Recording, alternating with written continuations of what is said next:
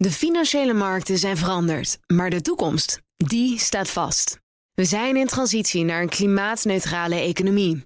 Dit biedt een van de grootste investeringskansen van onze generatie. Een kans voor u om mee te groeien met de pioniers van morgen. Meer weten? Ga naar carbonequity.com. Carbon Equity. Do good by investing better. Beleggerspanel. Wat betekent de liquidatie van vastgoedontwikkelaar Evergrande voor de Chinese economie? En techreuzen als Apple, Microsoft en Alphabet publiceren in deze bomvolle beursweek hun jaarcijfers. Dat en meer bespreek ik in het beleggerspanel. Dat bestaat uit Lodewijk van der Kroft, partner bij de beleggingsonderneming Comgest... en Thijs Knaap, hoofdeconoom bij APG. Welkom, heren.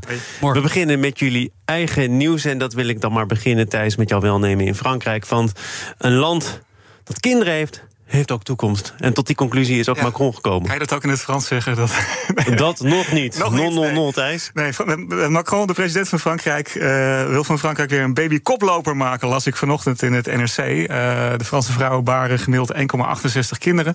Dat is niet genoeg. Uh, tenminste, als je de bevolking op peil wil houden. Ehm, dat is best opmerkelijk hè, dat dat zo laag is. Want Frankrijk was altijd een van de landen waarin er relatief veel kinderen geboren werden. Ook door allerlei beleid wat daar gevoerd werd. Ik vond nog een artikel van mijzelf terug uit 2005, waarbij het derde kind uh, beloond werd met 750 euro uh, destijds.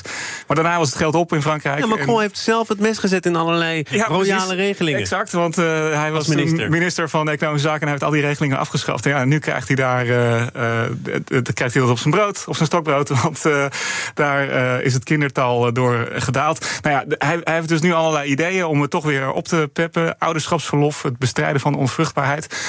de vraag is, helpt dat natuurlijk? Gaan de vrouwen daardoor meer kinderen krijgen? En uh, dat bracht mij uh, terug in gedachten bij een artikel wat maandag in de Financial Times stond. Daar werd een demograaf uit Finland uh, geïnterviewd. Nou, Finland, dat weet je misschien wel. Dat was zo'n beetje het voorbeeldland als het om kinderen ging. Die hadden alles voor elkaar: kinderopvang, goed onderwijs. maar oeps, ook sinds 2010 is daar het aantal kinderen per vrouw gedaald met een derde. En die demograaf had daar wel interessante dingen over te zeggen. Die zegt dat het zijn helemaal geen economische overwegingen bij ouders. Het zijn meer cultureel en psychologische factoren die op dit moment een rol spelen. Steeds meer mensen willen helemaal geen kinderen. Zou verboden moeten worden. Tenminste, niet voordat ze de andere doelen in hun leven hebben uh, bereikt. En dat kan je ook zien, want driekwart van de daling in Finland... die komt doordat mensen, uh, ja, niet doordat mensen minder kinderen krijgen... maar dat, doordat ze helemaal geen kinderen krijgen. Uh, en ze zijn namelijk te druk met andere dingen. Dus dat is best wel interessant. En dat betekent dus dat van dat beleid wat Macron voorstelt in Frankrijk... dat sommige dingen eigenlijk helemaal niks gaan, gaan uitmaken. Zoals die extra kinderopvang daar deed de Finse mevrouw heel erg. Uh, ja, eh, daar zei ze van dat gaat niet zoveel oplo uh, oplossen. Maar bijvoorbeeld wel uh, goed is vruchtbaarheidsonderzoek op je 25ste. Om te kijken of het allemaal goed werkt. Zodat je goed aan het werk kan op het moment dat dat niet zo is. En wat ook helpt, en dat vond ik wel een mooie, thuiswerken. want dat maakt de ouders wat meer beschikbaar voor het opvoeden van de kinderen. En daarmee wordt de, de, de voor het maken van kinderen. Voor het maken van kinderen misschien zelfs. daarmee wordt het economische probleem nou. toch ook weer wat minder. Maar het gaat dus ook over wat je zelf veel kwam in NRC ook een Franse vrouw tegen die zei: Moet ik nu kinderen gaan baren om later pensioenen te kunnen betalen? Ja, het was fantastisch. Dat kan toch niet de bedoeling zijn? Het was het mooiste van het artikel, was dat ze inderdaad eh, al die beleidsambtenaren aan het woord lieten. En vervolgens stonden er drie Franse studenten die gaven hun uh, ongezouten mening over dit, uh, over dit idee. Het kan ook nog erger zijn. Het kan ook zijn omdat je een leger in stand moet houden. Nou ja, dat was ook een van de. Dat wordt ook inderdaad genoemd een soort van defensie-initiatief. we moeten nu de soldaten waren. Nou, daar waren de Franse studenten het in ieder geval niet mee eens. Uh, die waren vrij eens, eensgezind in hun afwijzing van dit soort ideeën. Ik geloof dat Elon Musk geen kinderen heeft, toch? Nou, hij heeft uh, zijn uiterste best gedaan. En Macron kan dat niet zeggen, volgens mij. Hij heeft veel bedrijven, dat ook. En een van die bedrijven heeft nu voor het eerst een chip in iemand geplaatst. Ja, uh, ik moet zeggen dat uh, Elon Musk is een uh, nogal veelbesproken persoon. En ik moet zeggen dat mijn karaktereigenschappen ver weg zijn van zijn karaktereigenschappen. Maar als ik ergens respect voor heb, dan is het wel voor de ongelooflijke hoeveelheid initiatieven die die man op het vuur heeft staan allemaal. Iedereen kent Tesla, iedereen kent SpaceX. Iedereen weet ondertussen wel dat OpenAI dat hij daar aan de basis voor heeft gestaan. Maar waar ik niet zoveel uh, van afwist was Neuralink. Neuralink is een bedrijf wat hij in 2017 heeft opgezet. En uh, precies zoals je aangeeft, Thomas, ze hebben een apparaatje uh, ontwikkeld wat in de hersenen kan worden geplaatst, waardoor signalen uit de hersenen vertaald kunnen worden in intenties en gedrag. En dat leidt ertoe dat mensen die verlammingsverschijnselen hebben in staat zijn om een computer te bedienen. Nou, dus dat is voor mensen met epilepsie, Parkinson, als is dat een fantastische ontwikkeling. Ze zijn niet de enige partij die dat doet, maar zelfs niet de eerste, hè? Die die chip echt hebben geplaatst in een zelfs mens. Zelfs niet de eerste. Deze chip uh, heet telepathie, ook wel weer mooi gevonden, denk ik, mm -hmm. uh, als naam. Uh, maar ze hebben in mei vorig jaar hebben ze FDA approval gekregen om dat bij mensen te proberen. En hebben dat nu dus voor het eerst gedaan. En de bedoeling is dat ze dit jaar nog elf andere operaties gaan uitvoeren. En met name de kwaliteit van de chip is vele malen beter dan die van andere partijen. En uh, dat biedt dus best wel veel hoop. We gaan naar uh, de beursweek, want het zijn drukke dagen. Gisteren kwam Philips met cijfers. Vandaag de beurt aan Microsoft, Pfizer, UPS. En de komende week staan er dan ook nog persconferenties op het programma. Bijvoorbeeld om de cijfers van Apple toe te lichten. Thijs, welke cijfers volg jij met extra interesse? Ja, alle cijfers zijn interessant, maar ik hou mij vooral. Uh, uh, mijn interesse gaat vooral deze week uit naar de Magnificent Seven. Hè. Je weet misschien wel de zeven aandelen die zo'n beetje de hele Amerikaanse beurs op dit moment uh, drijvende houden. zeven bedrijven die op dit moment 30% uitmaken van de waarde van de SP 500. Hè. Dus de 497 andere bedrijven hebben 70%. Daarvan hebben we Tesla afgelopen donderdag al gehad. Dat was niet best. Daarom zijn er mensen die van die Seven toch maar six maken inmiddels. Ja, precies. Trouwens, jammer voor Elon Musk wat dat betreft. Het aandeel daalde prompt met 12 procent. Uh, maar de, de wat grotere, Tesla is ook niet zo'n heel groot stuk van de Magnificent Seven. De grotere partijen krijgen we eigenlijk allemaal deze week. Microsoft en Google vandaag na beurs. Dus als je wat later opblijft, kan je dat nog meekrijgen. En morgen dan Amazon, Apple en Meta. Dan hebben we er zes gehad. En dan komt alleen Nvidia, wat ook nog een grote partij is. Maar die komen pas 21 februari met cijfers. Um, dit, is, dit is natuurlijk cruciaal, omdat de, de hele beurs zo'n beetje nu op deze in ieder geval de beurswinst op deze bedrijven uh, drijft. Uh, en ja, als dat tegenvalt, zoals dat bij Tesla het geval was, dan hebben we er toch wel te maken met wat tegenwind uh, op de beurs, denk ik. Tesla viel tegen Intel, geen lid van die Magnificent Seven viel ook tegen. Mm -hmm. Apple daarvan wordt toch verwacht door trekken en sleuren, of zie je dat anders? Ja, vooral Apple is een interessant geval, omdat het zo groot is. Het is een kwart van die Magnificent Seven, maar het is ook een bedrijf wat enorme blootstelling heeft naar China. Nou, we komen er straks nog over te spreken, maar daar zijn ook wel dingen aan de hand. je ziet aankomen dat het bedrijfsmodel model van Apple, waarbij ze en heel veel uh, apparaten in China maken en uh, heel veel in China verkopen, dat daar best wel wat, uh, wat barsjes in zitten. Dus het zal best interessant zijn om te zien hoe zij de kwartalen doorkomen. Um, Apple heeft in het verleden vaak verrast met, met cijfers, dus het kan zomaar weer goed gaan. Maar de verwachtingen zijn ook nu wel heel hoog gespannen. Welk bedrijf pik jij eruit, Lodewijk? Nou, het is niet zozeer dat ik op een specifiek bedrijf geïnteresseerd ben. Kijk, wat ik interessant vind van die Magnificent Seven is dat er natuurlijk heel veel over geschreven is het afgelopen jaar. Ze hebben fantastische koerswinsten laten zien, waarbij de verschillen overigens wel heel erg groot zijn. Waarbij uh, uh, ja, zeg maar Nvidia met afstand het beste bedrijf was. Maar als je 2022 ervoor plakt en je kijkt naar de afgelopen twee jaar. Dan valt het eigenlijk best wel mee. En ik wilde je heel eventjes uh, daarin meenemen als dat mag. als je kijkt naar bijvoorbeeld Microsoft, ben je over een tweejaarsperiode. ben je zeg en schrijven een kleine 14% opgeschoten. Um, Tesla ben je zo'n 30% in waarde gedaald. Uh, Google Alphabet is nog geen 4% gestegen ten opzichte van begin van 2022. Apple nog geen 10% ten opzichte van dat begin. Uh, Meta 5,24%. Uh, Amazon staat zelfs in de min, uh, kleine 9%. En Nvidia is dan met 68% duidelijk de koploper. Maar als je kijkt naar wat beleggers in deze aandelen hebben moeten doorstaan. Hè, want eind 2022 was het helemaal geen hemelhoogjuichend. Want de enige reden waarom die rendementen over die tweejaarsperiode zo tegenvallen, is omdat 2022 natuurlijk een vreselijk jaar was. En ik heb altijd gezegd, en daar gebruik ik mijn moeder gebruikt altijd voor. Hè, als je uh, niet met 50% daalt, hoef je ook niet met 100% te stijgen om dat weer goed te maken. En dat zie je natuurlijk in deze Magnificent Seven, zie je dat heel goed terug. Dus iedereen die zegt, ja, ze zijn zo hard gestegen, dus uh, er zit geen muziek meer in.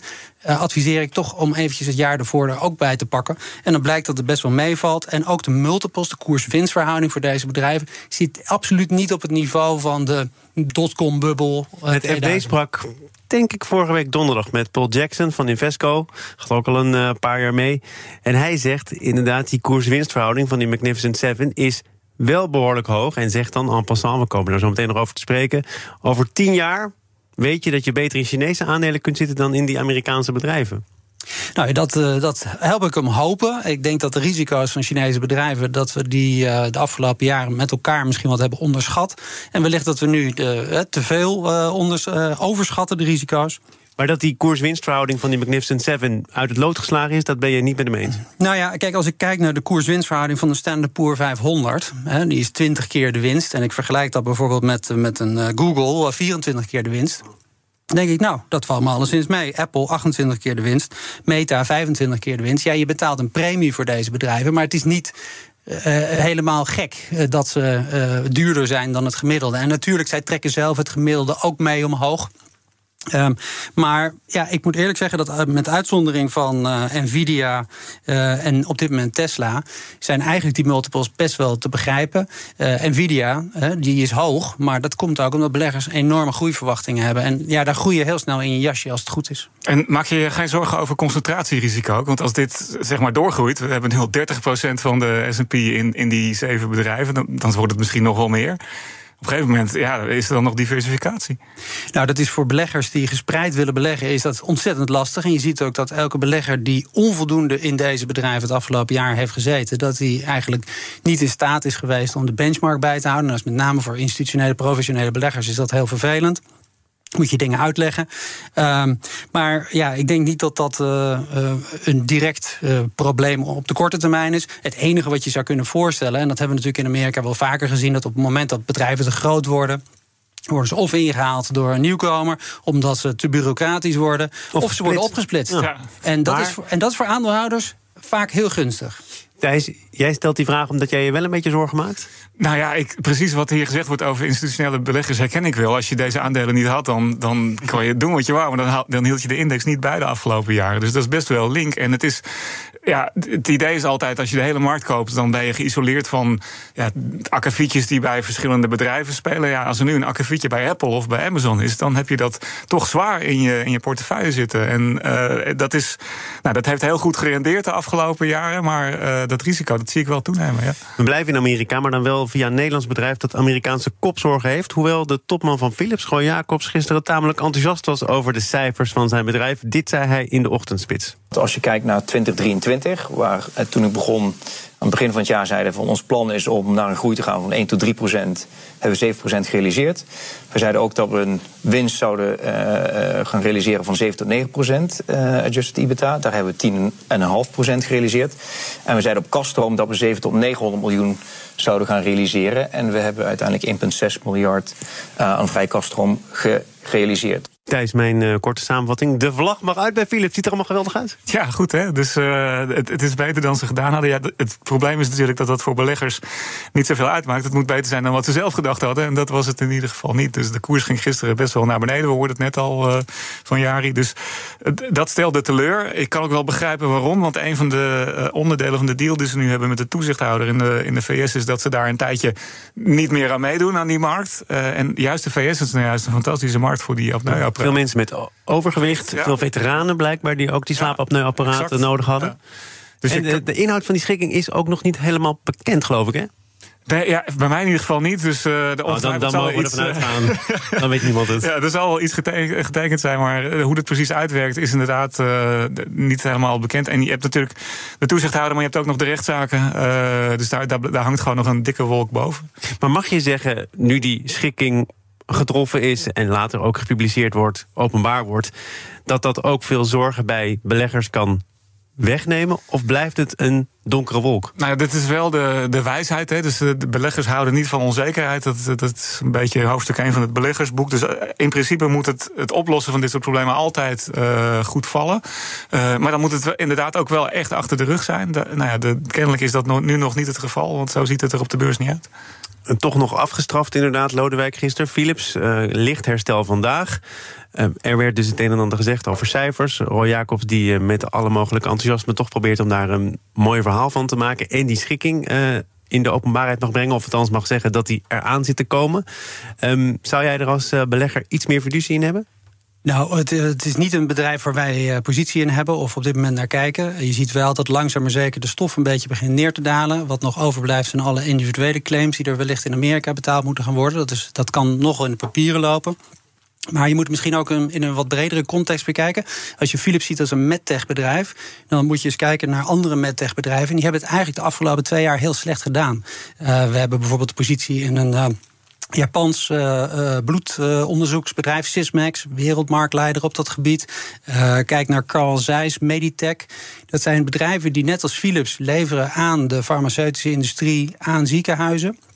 En de afgelopen jaren zie je dat daar een behoorlijke stap ja, op, de, op, de, op de plaats is gemaakt. minder is geïnvesteerd door ziekenhuizen, door biotechbedrijven die het ook lastig hebben gehad de afgelopen twee jaar om geld op te halen.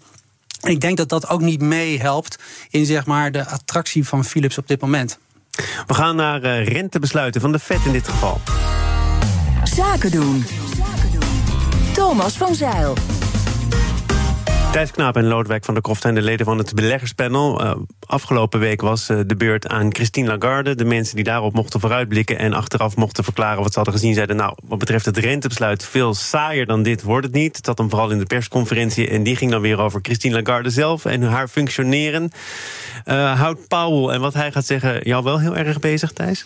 Nou, het, het is nog steeds niet heel erg enerverend. er is een de, steekproef die het persbureau Bloomberg doet onder economen om uh, te vragen van wat denk je dat het rentebesluit gaat worden. En daarvan hebben opnieuw, net zoals de vorige keer overigens, hebben ze allemaal gezegd dat ze verwachten dat er geen wijziging komt. Dus daar, daar moeten we het niet van hebben. Morgenavond om 8 uur onze tijd wordt het rentebesluit bekendgemaakt. Dus dan moeten we maar weer naar de persconferentie gaan kijken om te zien of daar nog wat uh, interessants in zit. Ik was hier uh, een maandje geleden en toen stond er ook zo'n persconferentie op het schema voor de dag erna. En toen... wist jij dat wij daar rekening mee houden? ja, nou, misschien wordt het wel zo ingeroosterd, dat kan zomaar. Maar ik had de gelegenheid om even terug te luisteren. En toen merkte ik op dat ik toch wel uh, behoorlijk verbaasd was over wat er gebeurde. Want s ochtends riep ik nog vol vertrouwen van... nou, daar gaat helemaal niet gezinspeeld worden op een renteverlaging. En dat was er toch. Dus zo zie je maar dat er toch wel weer informatie in die, in die persconferenties zit. Nou, vorige keer heeft Powell dus gezegd van... nou, de rente is best wel aan de hoge kant. En als het zo doorgaat, dan zouden we het volgende jaar... dit jaar dus inmiddels wel wat renteverlagingen kunnen doen. Uh, da daar waren de markten heel erg van onder de indruk. Want toen, steeg, toen daalden de lange rentes echt als een baksteen uh, daarna en met het volle vertrouwen dat er dit jaar, ik geloof, vijf of zes renteverlagingen zullen komen. Uh, in, het, uh, in de periode tussen die, uh, tussen die persconferenties, dus tussen daarvoor en nu, is het heel hard geroepen van nou, nou, overschat het nou niet.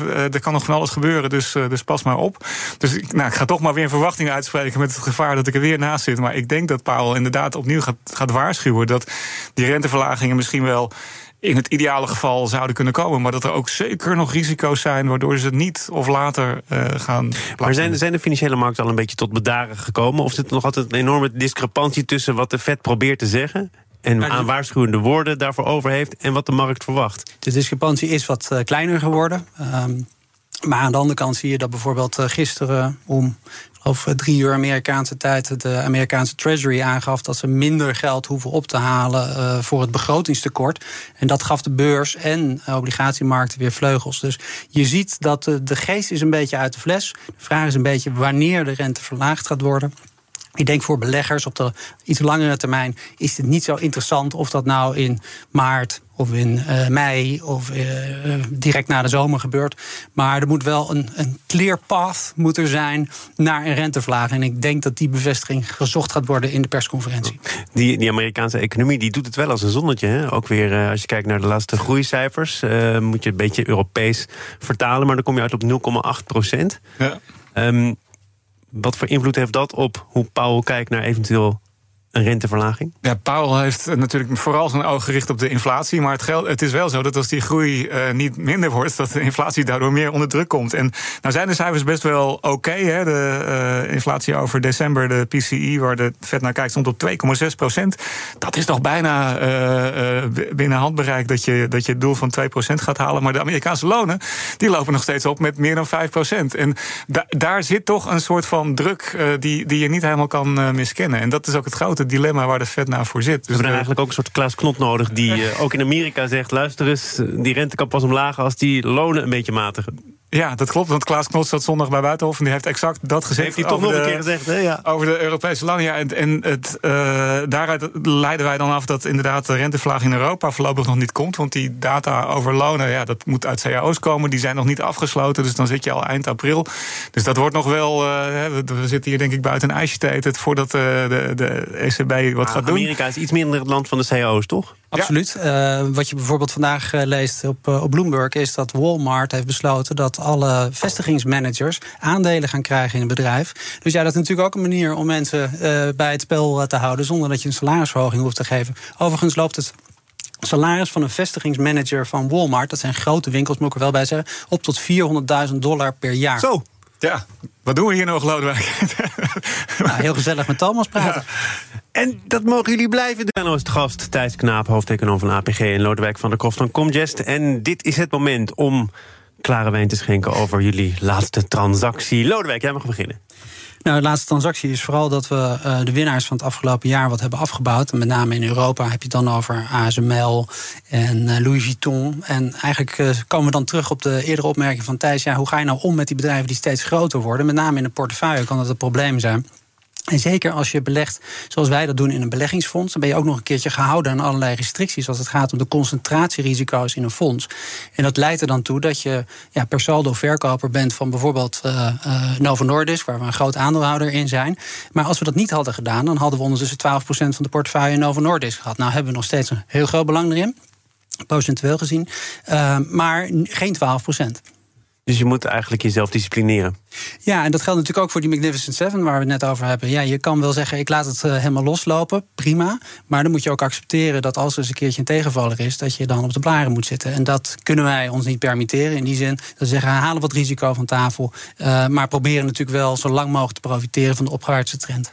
Thijs, jouw slash jullie laatste transactie. Ja, heel goed. Ja, herbalanceren is het eigenlijk wat Lodewijk hier uh, vertelt. Dat doen wij ook. Dat is uh, goed uh, beleid. Ik wilde iets anders melden. Twee nieuwe transacties die het ABP Nederlands Energietransitiefonds heeft gedaan. Dat is een fonds dat specifiek belegt in Nederlandse bedrijven... die bijdragen aan alle aspecten van de energietransitie... en in Europese bedrijven die bijdragen aan de Nederlandse energietransitie. Um, en dat, is een, nou, dat is een fonds waar best wel wat geld in zit. Er is 250 miljoen euro aan uh, toegekend. Daarvan is nog maar uh, iets minder dan de helft echt belegd of gecommitteerd. Dus er zit nog wel wat ruimte in. Maar er gaat af en toe wat geld uit. Uh, twee transacties die begin dit jaar bekend zijn gemaakt. Die geven een goed beeld van hoe dat werkt, zo'n energietransitiefonds. we doen mee aan de tweede investeringsronde van het bedrijf Soli. Dat deden we ook in de eerste ronde. Dat bedrijf is begonnen als installateur van zonnepanelen in Nederland. Maar ze doen nu ook thuisbatterijen, opladers voor elektrische auto's. Een soort van thuis energiemanagement systeem. En dat gaan ze ook in andere landen aanbieden in Europa. En voor die uitbreiding hebben ze geld opgehaald. En er zat nog een tweede transactie uh, die ook bekend geworden is. Uh, dat is een nieuw bedrijf voor ons, Taylor. Dat komt uit de Technische Universiteit Eindhoven. Die maken elektronica die ervoor zorgt dat zonnepanelen, daar zijn ze weer, als ze in de schaduw liggen of als er vuil op ligt, dat het verlies aan stroomproductie beperkt blijft. En bovendien uh, kan de technologie van het bedrijf ervoor zorgen dat ze ook nog eens brandveiliger zijn. En ook zij willen uitbreiden in Nederland en in Europa. Thijs, dit zijn ja. start-ups, scale-ups. Ja. Mickey Adriaanse had er een oproep voor over. De minister voor uh, Economische Zaken en Klimaat, demissionair. Pensioenfondsen komen ze over de brug. Ook wat uh, betreft die nieuwe sleuteltechnologieën die Nederland uh, internationaal koploper zouden maken. daar is geld voor nodig. En zij doet ook graag een beroep op uh, pensioenfondsen. Uh, pensioenfondsen willen dan garanties. Het moet sam-sam, de risico's moeten eerlijk verdeeld worden. Maar jullie doen het dus al. Ja, of hebben jullie die aansporing nodig? Ik sta te glimmen van trots. We hadden het al bedacht voordat de minister zich daar uh, mee ging bemoeien. Maar het, het, wat natuurlijk wel speelt is dat het, we doen het voor twee doelen. ten eerste, ja, die energietransitie is super belangrijk. En dit geld gaat helpen om dat sneller en beter te laten plaatsvinden. Maar het is natuurlijk ook gewoon belegd pensioengeld. En de, de deelnemers moeten daar uiteindelijk een pensioen van trekken. Dus we doen het alleen bij bedrijven waar we zelf in geloven. Uh, dat we denken dat het een hele goede, goede voorwaarde is. Ja, nee, dus ik, maar ik zeg het toch maar even bij. Soms, soms, denken mensen dat het een soort hobby is. Maar dat is echt niet waar. Er komen honderden bedrijven langs.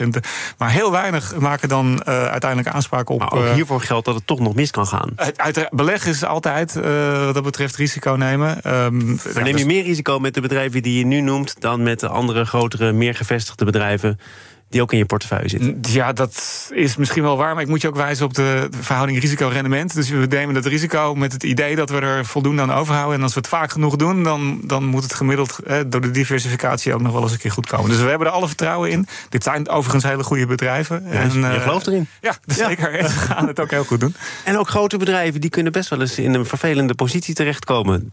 Zo komen wij terecht bij het Chinese Evergrande. De ondergang lijkt nu echt onontkoombaar. Een Hongkongse rechter heeft de liquidatie van de vastgoedontwikkelaar bevolen. Bloomberg had daar gisteren een bericht over. Het bedrijf heeft een schuld van meer dan 300 miljard dollar. Als je erbij stilstaat en uh, de recente geschiedenis nog even erbij betrekt, dan wist je natuurlijk al wel dat hier moeilijk meer iets van te maken viel. Maar Lodewijk, is nu het doek gevallen? Uh, nou, het is in ieder geval het volgende hoofdstuk in een uh, boek wat uh, sinds nou, 2020 zo ongeveer al uit de kast is getrokken. Ehm, wat je gewoon ziet is dat de enorme bubbel die er in de huizenmarkt al jarenlang zat in China, ja, toen eigenlijk naar boven toe is gekomen. En dat heeft uh, ja, de, de vervelende consequentie dat dat heel lang gaat duren. En daar zie je dus nu uh, van dat uh, Evergrande dan nu daar de uitgesproken slachtoffer van is. Maar we hebben ook al Country Garden gehad. We hebben al meerdere Chinese vastgoedontwikkelaars gehad. En het vervelende van deze situatie is dat uh, Chinese huishoudens hebben niet heel veel mogelijkheden om hun geld weg te zetten. Ze mogen het niet buiten China brengen. Dus dan ga je of naar de beurs, of je uh, koopt nog eens een appartementje erbij. Dus uh, ongeveer 1,5 miljoen huishoudens hebben op dit moment ja, een, een appartement afgenomen van in dit geval uh, Evergrande. En ja, lopen dus het risico dat ze hun inleg kwijt zijn en dat het gebouw eigenlijk nooit af wordt gebouwd. En dat is een mag je wel stellen, brandhaard voor sociale onrust. Waar neem ik aan niemand en ook bestuurlijk China niet op zit te wachten. En als je dan kijkt naar wat er eventueel nog verdeeld kan worden uit de boedel van Evergrande. Mag je dan veronderstellen dat uh, de pijn vooral geleden wordt door buitenlandse investeerders? Ja, het gaat in ieder geval door obligatiehouders uh, geleden worden. En die hebben daar ook al wel op geanticipeerd. Want ik geloof dat op dit moment de waarde van een uh, obligatie uh, Evergrande... dat die 2 cent is oh. op een dollar. Nou, bij een normaal faillissement is dat uh, eerder 10, 20, 30 cent op een dollar. En dan, uh, dan is er altijd nog wel iets te vinden in, het, uh, in de boedel. Maar hier is wel heel weinig vertrouwen dat er nog wel wat overblijft voor de financiële verschaffers van kapitaal en Evergrande. Wij zeggen trouwens met heel veel nadruk Evergrande. Daar is maar één iemand verantwoordelijk voor, Thijs. Net toen het eigenlijk niet meer nodig was, kwam je erachter hoe je het moet uitspreken. Ik zat naar het journaal te kijken gisteren. Daar was de correspondent in China en die sprak het zo uit. En ik dacht, hé, er staat nog echt een E achter Evergrande. Dus toen heb ik het opgezocht. Het blijkt dat de, de, de officiële, voor zover daar sprake van is, de officiële uitspraak is Evergrande. Dus ik doe ook maar het dapper mee, nu het nog kan. Wat gaat dit ehm, voor consequenties hebben? Want uh, we hebben het over de ontmanteling van dat bedrijf met meer dan duizend uh, dochterondernemingen, talloze betrokkenen. Uh, een Chinese economie die er al niet geweldig voor staat. Nee, dat is allemaal niet geweldig. Dus een, een, vreemd aspect van de, uh, de, de, huizenmarkt in China is dat uh, die, deze ontwikkelaars die stellen dus voor: we gaan een flatgebouw bouwen met allemaal appartementen erin. En daar kunnen Chinezen op intekenen. Maar dat appartement wordt vrijwel geheel van tevoren betaald. hier in Nederland zou je misschien een aanbetaling doen voor een percentage van de prijs. Maar hier is de complete koopsom, koopsom is gestort. En daarom is dit ook zo'n probleem. Met het hele, hele grote bedrag wat hier net genoemd wordt aan schulden. Dat zijn niet allemaal internationale obligatiehouders. Dat zijn ook pa en ma uh, uit China. Die al uh, ja, een groot bedrag hebben gestort voor een appartement. wat nu niet gebouwd wordt. of waarvan funderingen liggen, maar de rest nog niet. Um, dat is natuurlijk een groot probleem. En zoals bij elk faillissement moet je je dan gaan afvragen. hoe, worden, hoe wordt het verlies verdeeld? Ja, en daar maakte je net al een opmerking over. Het zou buitengewoon pijnlijk zijn voor de, voor de Chinezen. als, als dat verlies terechtkomt bij al die particulieren. Maar er staat een enorme schuld uit en er staat heel weinig tegenover. Dus er valt al niet zoveel te verdelen, toch? Er staat nog wel iets tegenover. Hè? Dus uh, de, er zijn wel assets, er, er zijn gebouwen in aanbouw. Uh, de, er, is ergens geld, schijnt. Maar dat uh, in ieder geval niet genoeg om iedereen tevreden te stellen. En de grote vraag is nu inderdaad: van hoe, ja, waar gaat het verlies vallen? Nou, we hadden het al over de internationale obligatiehouders. Die hebben al een redelijke hap gehad.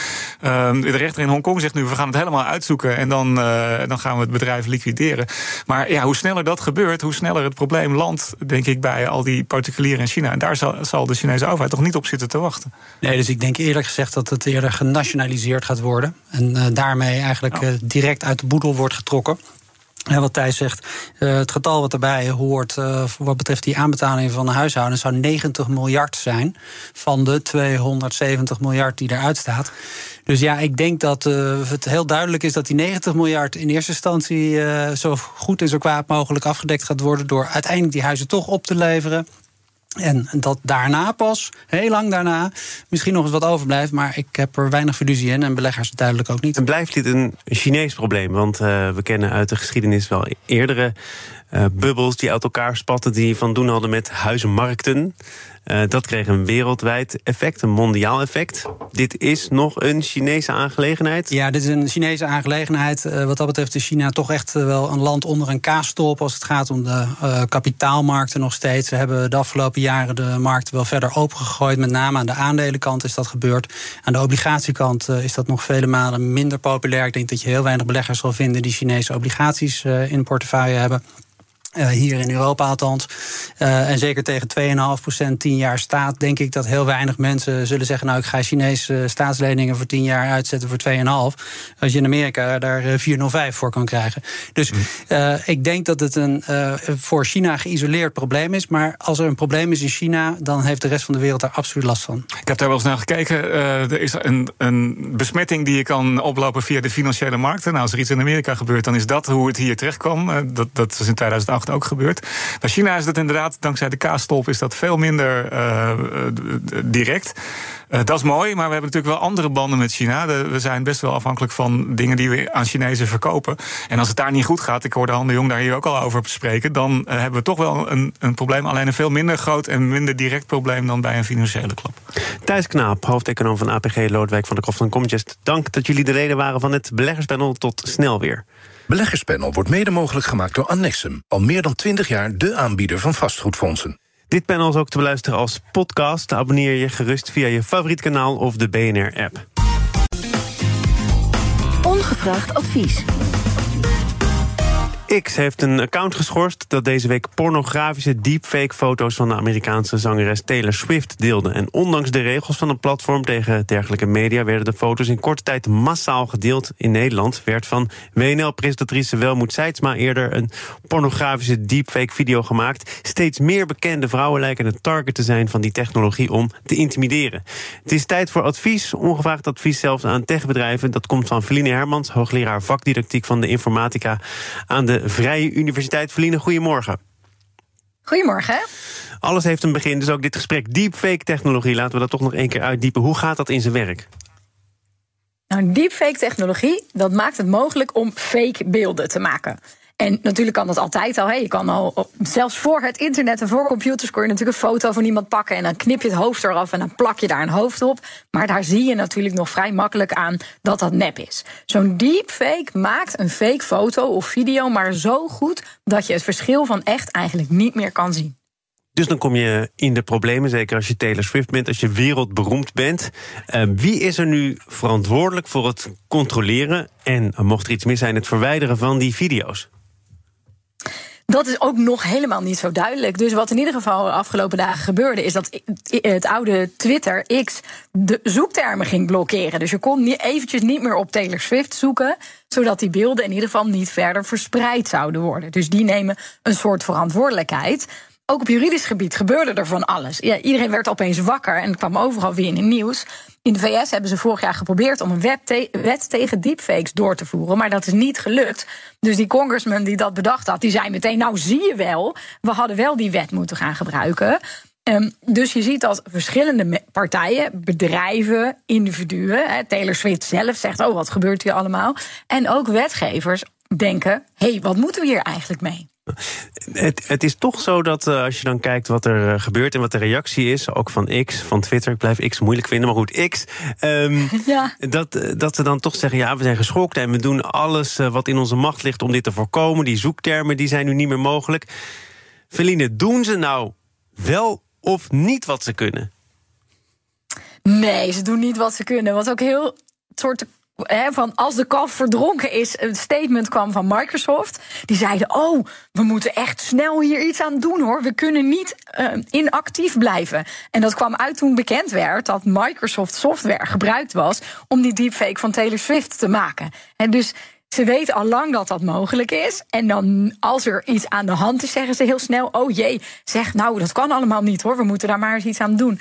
En hij beloofde dat hij die software aan zou gaan passen.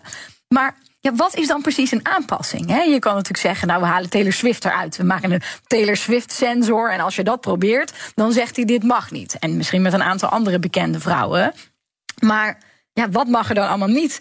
Je kan niet iedereen daaruit programmeren. En als je het zo streng programmeert dat je helemaal geen neppe pornofilms meer kan maken, wat je waarschijnlijk wel zou willen, denk ik, als mensheid, dan kan je er ook geen andere filmpjes meer maken. Dus het is heel lastig om deze software zo aan te passen dat je er niet iets mee kan wat een ander kan schaden. Ja, want eh, gisteren had ik een, een soortgelijk gesprek over een andere casus met Lisette Meij. Die zei: een bouwmarkt verkoopt hamers. Meestal bedoeld om een boekenkast eh, mee in elkaar te zetten. Maar je kunt er ook mensen pijn mee doen. Moet je dan die bouwmarkt verbieden hamers te verkopen? Hier geldt eigenlijk hetzelfde. Ja, aan de ene kant wel, maar aan de andere kant heb je ook een verantwoordelijkheid. In Nederland verkoopt een bouwmarkt niet een. De financiële markten zijn veranderd, maar de toekomst, die staat vast. We zijn in transitie naar een klimaatneutrale economie. Dit biedt een van de grootste investeringskansen van onze generatie. Een kans voor u om mee te groeien met de pioniers van morgen. Meer weten? Ga naar carbonequity.com. Carbon Equity. Do good by investing better.